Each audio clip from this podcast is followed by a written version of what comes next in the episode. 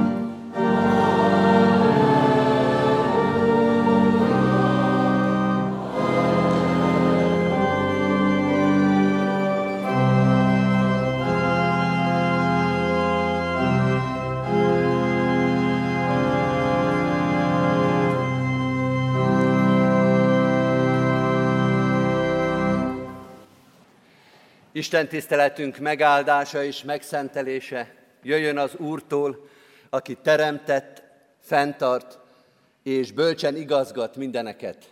Amen. Hajtsuk meg a fejünket és imádkozzunk. Urunk, valóban azt hisszük, hogy Te teremtettél mindent, Te tartasz mindent a kezedbe, Te kormányzod ezt a világot, és ezen a világon belül kormányzod az életünket, a gyülekezetünket, az egyházunkat is. Ma azért jöttünk ide, hogy téged hallgassunk. Ne a saját gondolatainkat, ne a világnak a bölcsességét, vagy éppen ostobaságát. Ne kósza gondolatok vezessenek minket, hanem a te igéd és a te lelked. Olyan jó lenne, hogyha a te igéd és lelked rendet vágna ebben a világban, hogy kitisztítaná a látásunkat, a megértésünket, olyan jó lenne, ha mind azt látnánk jónak és szentnek, amit te annak mondasz, és attól fordulnánk el, azt tagadnánk meg, ami szentségtelen és rossz. Urunk, kérünk, add a te ígéret és szent lelkedet, hogy belepillanthassunk ebbe a csodába, hogy itt ebben a földi létben igenis lehet engedelmeskedni, mert itt van a te igéd és akaratod, mert azt meg lehet hallani, meg lehet érteni, és te kirendelheted az erőt minden nap és minden pillanatban az engedelmességre. Lehet cselekedni a te akaratodat. Urunk, ebben segíts most ezt a gyülekezetet. Segítsd a te egyházadat. Szerte az országban sok-sok református gyülekezetet. Ebben az időben, a tisztújítás idejében, akár túl vannak már a választáson, akár most készülnek. Segíts, hogy ne csak egy-egy kis helyen, egy-egy pillanatra egy-egy véletlenszerű helyen, hanem az egész egyházban, az egész gyülekezetben a te akaratodról, a te vezetésedről, a te szavadról szóljon az életünk. Így kérünk, bocsáss meg mindent, ami ennek ellene mondott, a vakságunkat, a restségünket, az önteltségünket, bocsáss meg a lázadásainkat, bocsáss meg azt, hogy nem kerestünk téged és nem követtünk téged. Segíts most ezt megtenni, keresni, követni, engedelmeskedni, rád figyelni. Ezért kérünk, add a te lelkedet és igédet, taníts és vezess bennünket. Amen. Kedves testvérek, Isten igéjét olvasom az apostolok cselekedeteiről írott könyvből, a hatodik rész első hét verséből, majd a harmadik verset újra olvasva kiemelem azt. Az apostolok cselekedeteiről írott könyv hatodik részében az első hét vers így szól. Azokban a napokban pedig, mivel nőtt a tanítványok száma, a görül, görögül beszélő zsidók zúgolódni kezdtek a héberül beszélők ellen, hogy a naponkénti gondoskodásban elhanyagolják a közülük való özvegyasszonyokat. Ekkor összehívta a tizenkettő a tanítványok egész gyülekezetét, és ezt mondták nekik, nem helyes az, hogy az Isten igéjét elhanyagolva mi szolgáljunk az asztaloknál, hanem választatok ki magatok közül, testvérek, hét férfit, akikről jó bizonyságot tesznek, akik telve vannak lélekkel és bölcsességgel, és őket állítsuk be ebbe a munkába. Mi pedig megmaradunk az imádkozás és az ige szolgálata mellett. Tetszett ez a beszéd az egész gyülekezetnek, és kiválasztották Istvánt, aki hittel és szentlélekkel teljes férfi volt, valamint Fülöpöt, Prokóroszt, Nikánort, Timont, Párménászt és Nikolaoszt, az antiókiai prozelitát, az apostolok elé állították őket, és miután imádkoztak, rájuk tették kezüket. Az Isten igéje pedig terjedt, és nagyon megnövekedett a tanítványok száma Jeruzsálemben, sőt, igen sok pap is engedelmeskedett a hitnek. A harmadik verset újra olvasom.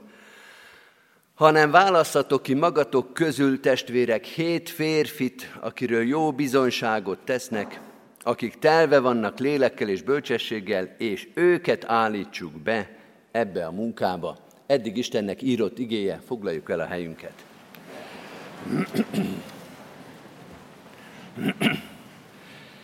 Kedves testvérek, itt a 9 órás Isten tiszteleten az egyház községi tisztújításhoz egészen közeledve egy olyan három részes igényletés sorozatba kezdtünk, amely megfordította az eddigi, az elmúlt hónapoknak a sorrendjét, az az volt, hogy minden igét tulajdonképpen egy kicsit a tisztújtás szemszögéből néztünk. Vettük a napi igéket, a bibliolvasó Kalauz szerinti napi igét, vagy annak a környékét, és megkérdeztük, hogy mire tanít ez minket a tisztújítás, a presbiter és főgondnok választás kérdésében. Helyes dolog egyébként, amikor az ember közeledik egy döntéshez, amikor bármilyen élethelyzetben van, föltenni ezt a kérdést, hogy az az ige, ami szembe jön velünk, az ebből a konkrét szempontból, ebben a kérdésben, ebben a döntésben hogyan vezet minket. Mert Isten igéjét praktikusnak, gyakorlatiasnak, vezető igének tekintjük, és élünk a gyanúperrel sok-sok jó tapasztalat alapján, hogy mindig az adott élethelyzetünkben az az ige eligazító tud lenni, néha egészen-egészen konkrétan, meg is retten az ember, hogy honnan tudták a bibliolvasó kalauz szerkesztője, hogy erre van szükségem, hát nem tudták, de Isten tudta. Néha egy kicsit absztraktabbul, de vezetget minket az Isten igéje.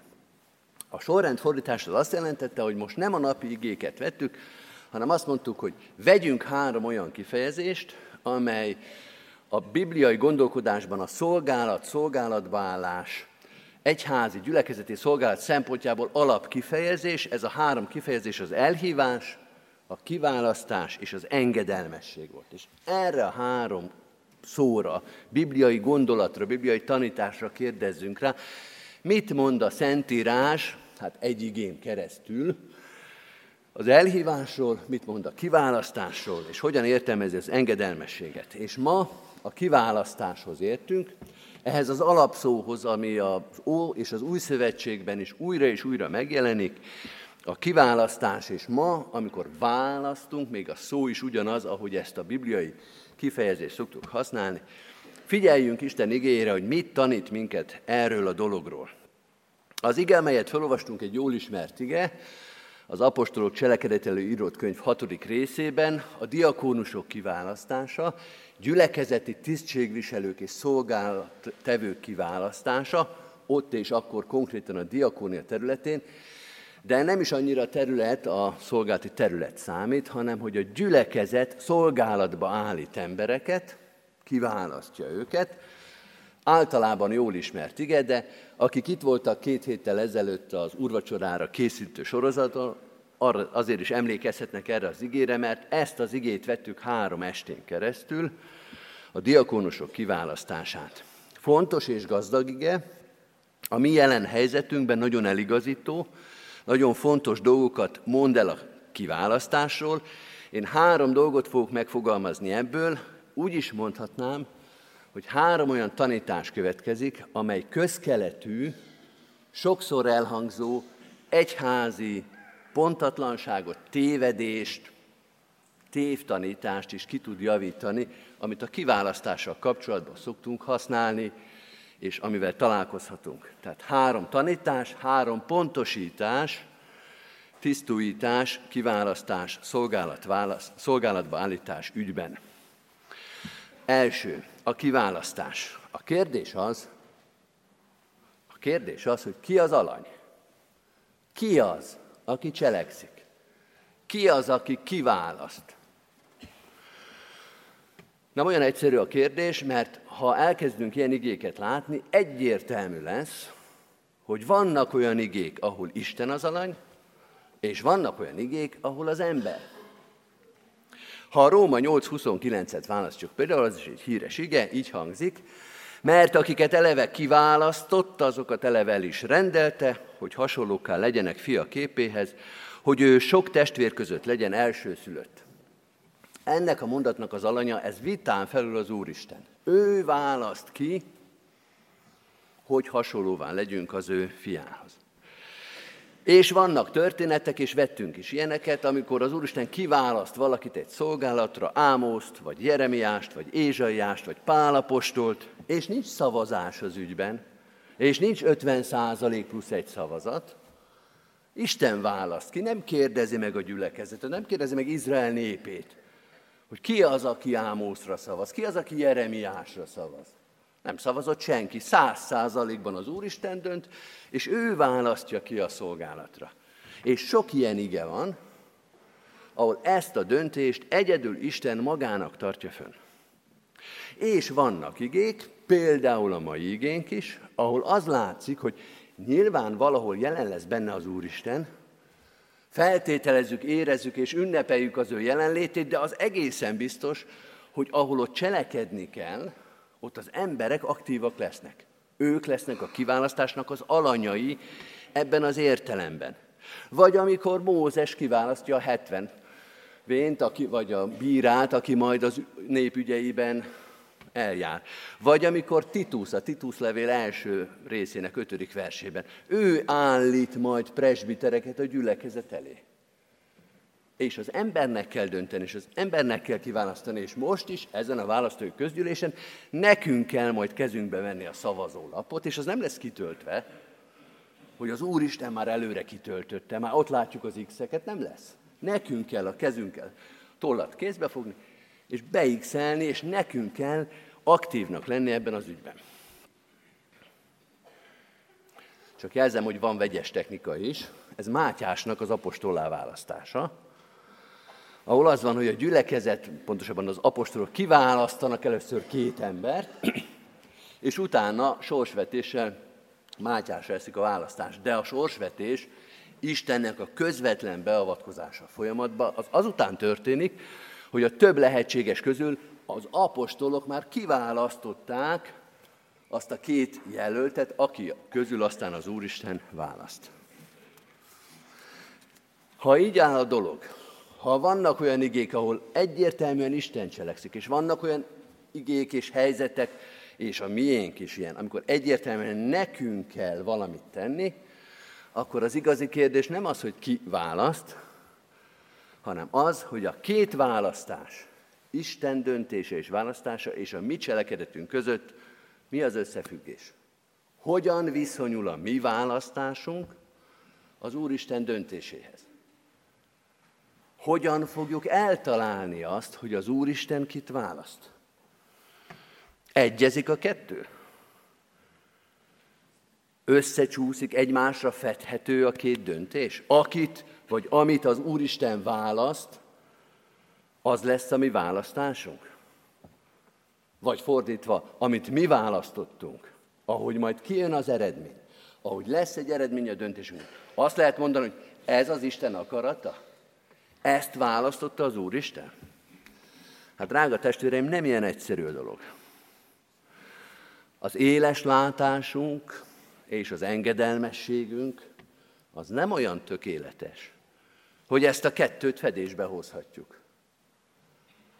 Hogy azt mondhassuk, hogy amit mi megláttunk, kiválasztottunk, az nyilván azonos az Isten döntésével. Mert láttuk pontosan, el se lehetett téveszteni, úgy látunk már most, mint a színről színre lennénk, nincs hiba lehetőség, és a szívünk is erős, és az engedelmességünk is, engedelmességünk is százszerzelékos, és amit megértettünk, azt meg is cselekezzük. A bibliai példák nem erre utalnak, nem bíztatnak minket azzal, hogy minden döntésünk és választásunk az egy az egyben az Úristen döntése lenne. Egy picit olyan ez, kedves testvérek, mint a turista jelzésen, amikor megyünk. Kék túra, országos kék túra. Elindulunk szépen, és megyünk, és megyünk, és azt feltételezzük talán joggal, hogy minden jelet észre fogunk venni. Nem történhet az meg velünk, hogy elindulunk szépen, és megyünk, megyünk, megyünk, és egyszer csak azt látjuk, hogy nincsen sehol a kék jel. Hogy elveszítjük a jelet. És az sem történhet meg, hogy látjuk a jeleket, hogy merre visz, merre vezet minket a túra, de azt mondjuk, hogy ó, mi tudunk egy jobb utat. Most itt átvágunk, tudunk egy rövidebb utat az erdőn keresztül. Szóval ezek nem teljesen fed, ö, hozhatók fedésbe.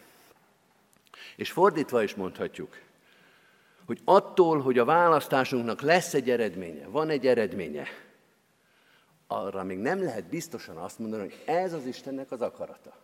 Az a mi akaratunk volt, a mi választásunk. Nem mondhatjuk azt, hogy hát ha nem akarta volna, akkor nem engedte volna meg.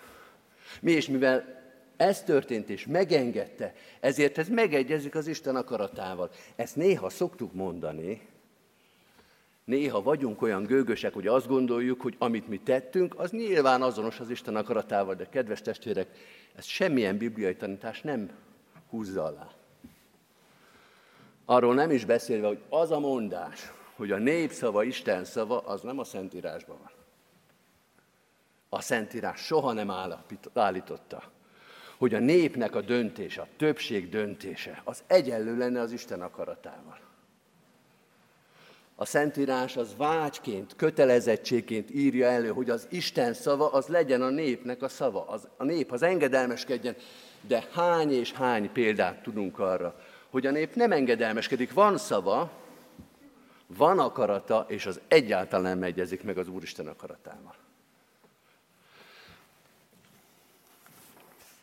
Isten akarata és a mi választásunk között a viszony, az titok. El van takarva előlünk. Egy biztos, amit biztosan tudunk mondani, hogy mi most választani fogunk, 50 névből 40-et presbiternek kell jelölni, négy névből egyet főgondoknak kell jelölni, és mi nekünk keresni kell az Isten akaratát, és kérni kell, hogy segítsen, hogy az ő jó akarata, ami az ő kezében van, az meglátszódjék számunkra. Használja a döntésünket, építse föl a döntésünket, áldja meg a döntésünket. Ha nem is tudjuk mindig pontosan eltalálni, amit ő akar, ha nem látjuk egészen pontosan az ő akaratát, ami rossz, ügyetlen, vaksi, emberi gyarló döntéseinket is ölelje magához, emelje föl, próbálja meg használni. Hozzon ki belőle valami, amennyit csak lehet. Mi odaadjuk a döntésünket, így sikerült, ezt tudtuk hozni, ezt éreztük, hogy így lesz, és hogyha valami nem jó benne, akkor ő vegye a kezébe, szentelje meg, és építse be a tervébe. Második dolog a kiválasztásról az ige alapján. Mi alapján történik a választás? Mi alapján fogunk dönteni?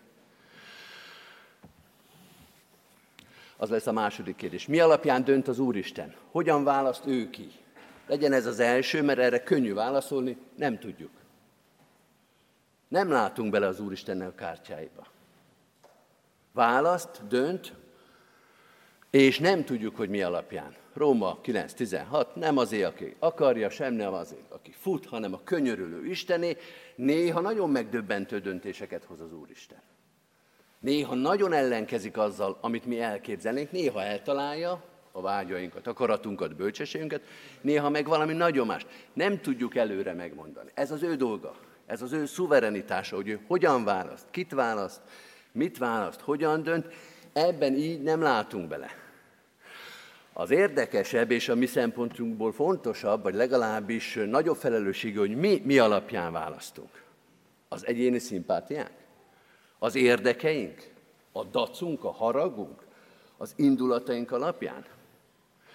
Ebben a kérdésben az az ige, amelyet olvasunk, viszonylag részletes és eligazító, érdemes újra felolvasni ezt a harmadik verset hanem választhatok ki magatok közül testvérek hét férfit, akikről jó bizonyságot tesznek, akik telve vannak lélekkel és bölcsességgel. Három fontos dolgot is mond az ige.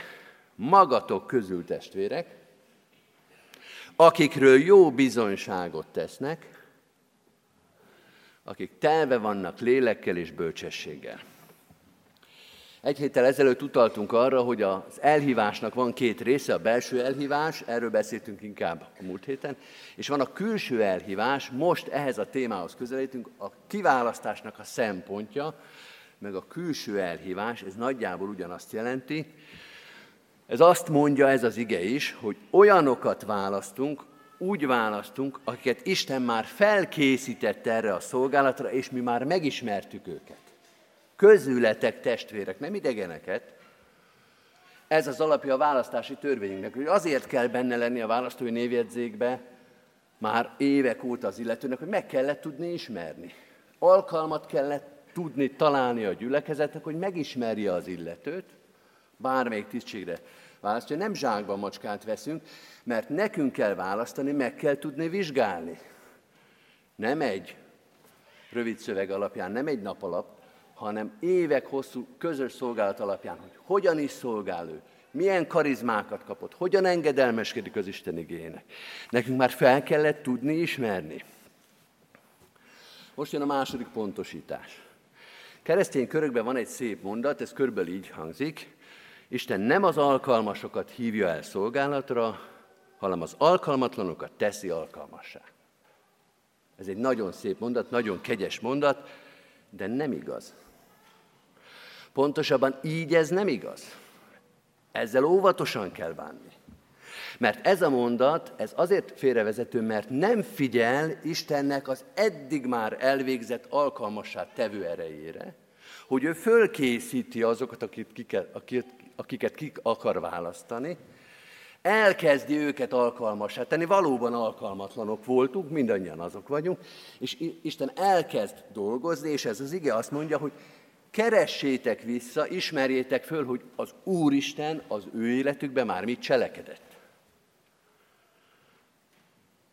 A választás nem arról szól, hogy Isten bárkit alkalmassá tud tenni, hát persze, hogy alkalmassá tud tenni, mindent meg tud tenni. Hogy bárkit megválasztunk, mondjuk a választói névjegyzik első 40 emberét, mondván, hogy nem tudjuk, hogy kik azok, de az Úristen úgyis alkalmassá tudja őket tenni. Nem erről szól a keresztény választás, hanem arról, hogy Isten, akiket már alkalmassá tett, már elkezdett dolgozni az életükbe, és mi ezt fölismertük, külső elhívás, azokat keressük a szavazólapon. Mondok egy bárgyú példát, eleve ellenézést kérek azokattól, akik érintettek érzik magukat.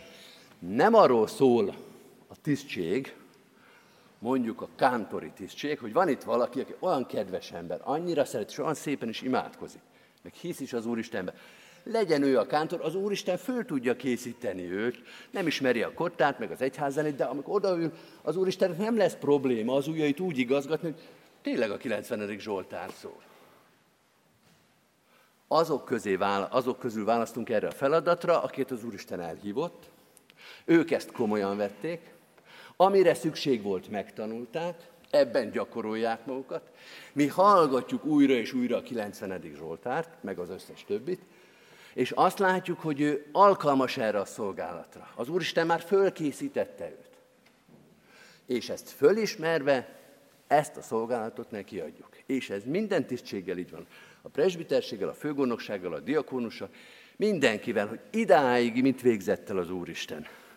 És mi ezt keressük, biztosak lévén abba, hogy egyébként természetesen ezek után is szükség lesz az illetőnek, meg mindennyunknak, hogy ezután is alkalmassá tegyen minket napról napra.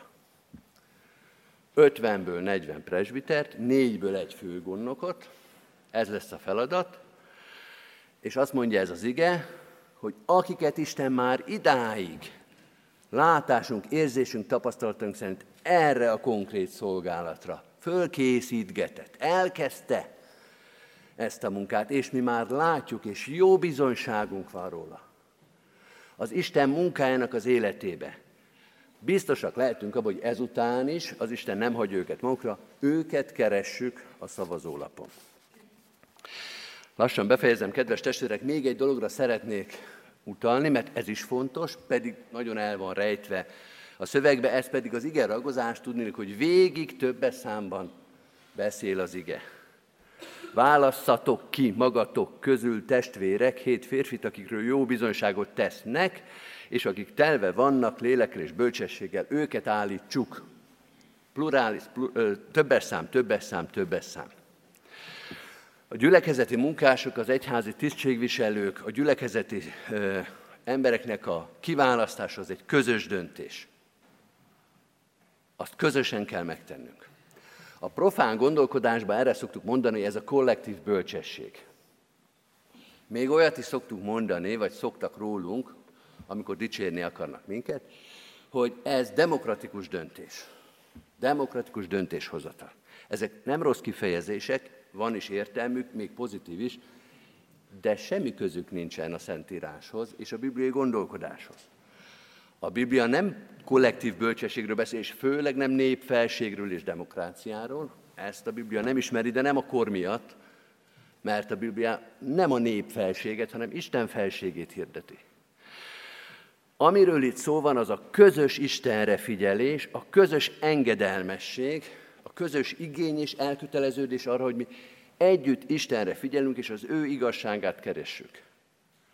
És annak a fölismerése, hogy Isten nem csak minket vezet, nem csak minket tanít, nem csak nekünk adott impulzusokat erről, arról, amarról a szeméről, az ő jó bizonyságára, hogy föl van készülve. Van valamilyen képünk erről, de nem csak nekünk, hanem a gyülekezetet, az egész gyülekezetet vezeti az Úristen. És őket is, ő nekik is adott, aki mellettem ül, meg szembe ül, ő nekik is adott információt. Ő náluk is van valamilyen olyan kincs, olyan tudás ebben a kérdésben, ki legyen a presbiter, ki legyen a főgondnok, amelyre a gyülekezetnek szüksége van, és amely talán nálam meg sincs. Isten jelen van a gyülekezetében, vezeti a gyülekezetet, vezeti a többi testvért is, és ezek a külön-külön vezetések, ezek kiegészítik és kontrollálják egymást. A gyülekezet az Isten másik gyülekezetnek adott vezetésének, a megbecsülésének a helye és közössége. Ez egy kicsit bonyolult mondat, de még egyszer mondom, mert ez egy fontos. A gyülekezet az a közösség, ahol megbecsüljük azt a vezetést, azt az ajándékot, azt a karizmát, azt a tudást, amit az Úristen a másik gyülekezetnek is adott. És a gyülekezet az a közösség, ahol bűnvalló közösségben szembenézünk a saját tévedési lehetőségeinkkel. A gyülekezet az önmagunk megkérdőjelezésének a közössége. Hogy lehet, hogy én tévedek. Valamit látok, valamit tudok, ezt tudom, de lehet, hogy tévedek. Lehet, hogy én valamit nem látok. De hála Istennek az Úristen kiegészíti az én töredékességemet, az én tévedésre való hajlamomat és gyarlóságomat másoknak a döntésével. Nem a mi felségünkről, döntésünkről, meg bölcsességünkről van szó, hanem az Úristennek arról a kegyelméről, szeretetéről és megőrző jelenlétéről, hogy ezt a tudást, felelősséget szétosztja, és hogyha mi egymásra is, meg az Úristenre figyelünk, akkor ebből a legnagyobb eséllyel kialakulhat az, amit ő gondol. És nincsen kitéve az én személyes gyarlóságomnak, ami nagyon is nagy és hatékony, ezt mindenki magában tudja, de nem kell attól félni. Hogy ha én most ezt eltéveztem, ha én ezt nem tudom, akkor az Isten ugye elbukott. Hát az Úristen oda tette sok-sok-sok fejbe és szívbe azt, amit ő gondolni akart. Kedves testvérek, 50-ből 40-et, 4-ből egyet. Szoktuk azt is mondani, hogy Istennél már megvan. Istennél már megvan, hogy kik lesznek a presbiterek, lesz a főgondnok. Hát ezzel nem állítottuk nagyot, persze, hogy megvan, minden megvan nála. Azt is tudja, hogy 600 év múlva hogy fog kinézni a presbitérium, ha lesz Kecskeméten presbitérium. Tehát itt nem az időiséggel van dolog, az Istennél persze, megvan. Arról van szó, hogy ő nem csak azt tudja, mert minden tud, hogy kik lesznek a presbiterek, hanem azt tudja, azt látja, azt ismeri, hogy a szívünkben megvan-e a vágy, hogy mi szeretnénk belelátni az ő akaratába. Hogy mi keressük az ő akaratát. Látja a kecskeméti gyülekezeti szíveket, hogy kíváncsiak ezek az én véleményemre, kíváncsiak az én vezetésemre, vagy saját akaratukat keresik. És nekünk arra kell törekedni imádságban is, az elénekelt szép pünkösd énekkel is, és minden lélegzetvételünkkel, hogy lássa meg, hogy persze vannak emberi indulataink, gondolataink, bölcsességünk, vagy butaságunk, ez nézőpont kérdése, de van bennünk egy vágy, hogy Istenünk, szeretnénk eltalálni a Te akaratodat. Szeretnénk a legközelebbit megcélozni a Te akaratodhoz. És hogyha ezt látja, ha látja az akarásunkat, a vágyunkat, az őszinteségünket, akkor nem lesz neki nehéz megsegíteni, megerősíteni minket arra, hogy erre a vágyra válaszoljon, és a döntésünket fölemelje, és elfogadja, és azt mondja, én ezzel a döntéssel fogok dolgozni, és megáldom, és megerősítem, és a következő hat évben, vagy ameddig az ő kegyelme éltet minket, a szolgálatába fogadja ezt a testületet. Ehhez adja ő az ő lelkét, és nekünk a reménységet és a bizonyosságot. Amen. Válaszoljunk Isten igéjére, és énekeljünk egy szép éneket, mind a négy verszakával a 741. dicséretet. 741. dicséretünket legyen ez már az imádságunknak a része. 741. dicséretünk ki Istenének átad mindent, bizalmát csak belé veti. Énekeljük végig a négy verszakot, majd folytassuk szóban is az imádságot.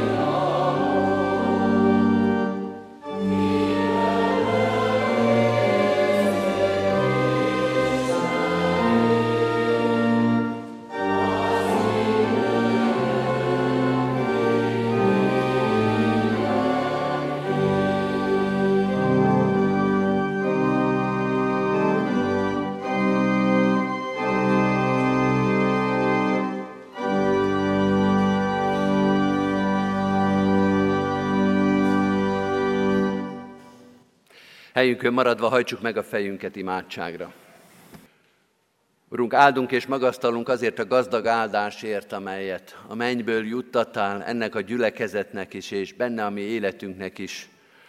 Bocsáss meg, hogyha elfeledkeztünk egyetlen jó téteményedről is, ha nem becsültük meg az ajándékaidat, ha nem láttuk a te szentségedet, szeretetedet, hatalmadat a legmeghatározóbbnak az életünkbe, hogyha a saját akaratunk, vagy a világnak a gazdagsága, vagy félelmetessége, rossz dolgai ha ennek a világnak a forgandósága eltakarta a Te jelenlétedet előlünk. Add, hogy ebben a mai napban, ezzel a mai Isten tisztelettel visszakerüljünk újra és újra a Te szent színed elé, hogy visszaigazítsa a szemünket és a szívünket Te hozzád. Segíts rád figyelni. Hiszük, Urunk, hogy Te látod a szívünket.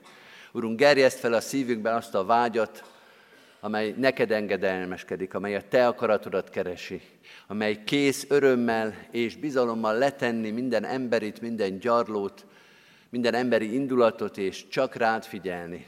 Ad, hogy az az indulat legyen bennünk, ami Jézus Krisztusban is megvolt. Így irányítsd most a gondolkodásunkat, a döntésünket, így irányítsd a gyülekezetünket minden pillanatban és minden szolgálatban. Mert erre van szükségünk, nem csak ilyen kiemelt napokon, ilyen nehéz, vagy felelősségteljes döntésben, hanem minden szolgálatban, minden találkozásban, akár egy kisgyermekkel, akár egy beteg idős emberrel, akár a kórházban, akár az utcán, akár a gyülekezetben, bárhol találkozunk, ahol rólad vallást teszünk, ahol téged hirdetünk, arra van szükségünk, hogy a te lelked vezessen bennünket.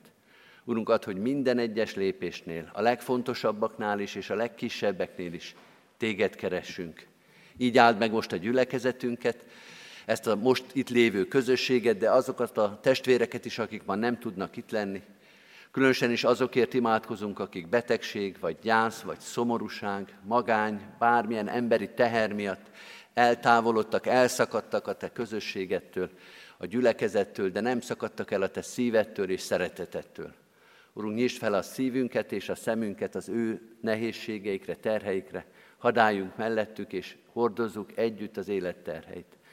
Imádkozunk a gyászolókért, imádkozunk a megszomorodott szívűekért, imádkozunk az egész gyülekezetért, a városért, az országért, a nemzetért, az egész teremtett világért.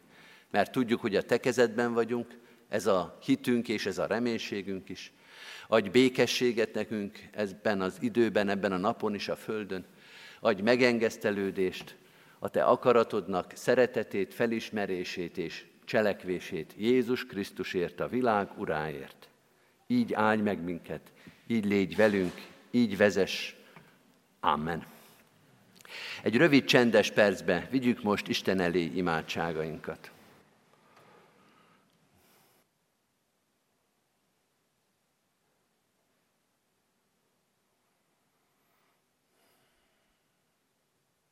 Amen. Az Úrtól tanult imádságot fennállva és együtt mondjuk el.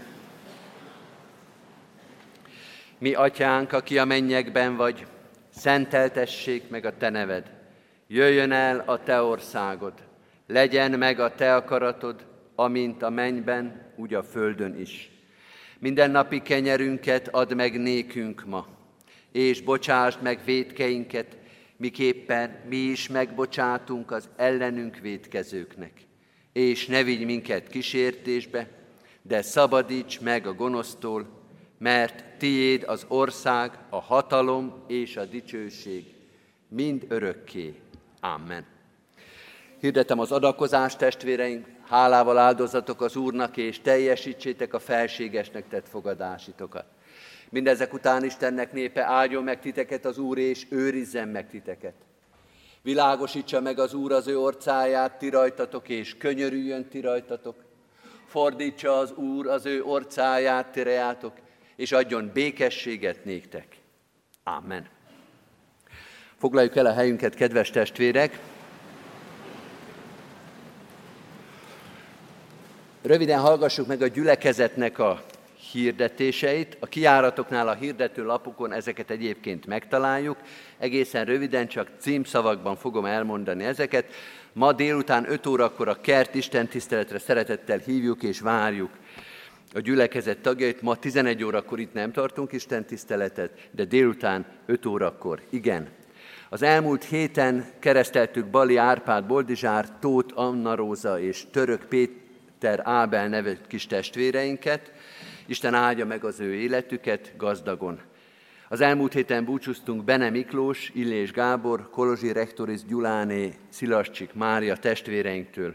Hallottunk Holló Ilona, aki 89 éves korában ment el a minden élő kutyán, temetése 14-én kedden 9 órakor lesz a köztemetőben. Hordozzuk imádságban a gyászolókat, Isten vigasztaló szent lelke erősítse őket. Isten iránti hálával hirdettem a hirdetéseket, az elmúlt héten, egy hét alatt 2,4 millió forint adomány érkezett a gyülekezet pénztárába, ebből 1,8 millió forint az egyház fenntartó járulékokon keresztül folyt be, a gyülekezeti levelek kimentek, ennek a folyamányaként minden évben, október-novemberben nagyon sokan fizetik az egyház fenntartó járulékot. Isten iránti hálával köszönjük meg, és hordozzuk tovább is a szolgálatainkat. Így hirdetem azt is, hogy 27 millió forintot elhagyta már a Széchenyi Városi templomra való adakozásnak az eredménye. Istennek legyen ezért hála. További híreink egészen röviden. A részleteket keressük meg a hirdető lapokon. November 15-től Bibliaiskola, november 17-én és 24-én tésztakészítés a karácsonyi vására a Szarvas utca és Sionházban, november 18-án délután fél négykor itt a templomban zenés áhítat, a Tahi Egyház zenei hét kórusa szolgál, november 24-25-26-án több generációs gyülekezeti hétvége Szárszón, december 9-én, 10-én pedig karácsonyi vásár a gyülekezeti központban. Minden alkalmunkra szeretettel hívjuk a gyülekezet tagjait. Kollégiumi híreket is találunk, a hirdető lapon a gimnáziumnak a nyílt napjai november 16-án, 22-én, 28-án, illetve 22-én a leendő elsősök szülői értekezlete délután 5 órakor. Hirdettem, hogy Varga Lászlóval készült interjúkötetet, a Mindennek rendelt ideje van címmel, meg lehet vásárolni a lelkész hivatalba, szeretettel hívjuk és várjuk oda az érdeklődőket. Hirdetem azt is, hogy akik úgy jöttek most az Isten tiszteletre, diákként, kollégistaként, hogy aláírást kérnek az Isten tisztelet után, kérjük, hogy jöjjenek ide a lelkészi kiáratba, a közgyűlés előtt itt a lelki pásztorok aláírják a jelenlétívüket. A választói közgyűlésre készülünk most, egyházkösünk választói közgyűlésére. Mielőtt átadnám a szót a választási bizottság elnökének, Varga Nándor lelkésztársamnak, a 222. dicséretünket énekeljük. Isten tiszteleti részünk szolgálatunk végén és a választói közgyűlés előtt 222. dicséretnek most az első verszakát énekeljük. Nagy hálát adjunk az Atya Istennek. thank you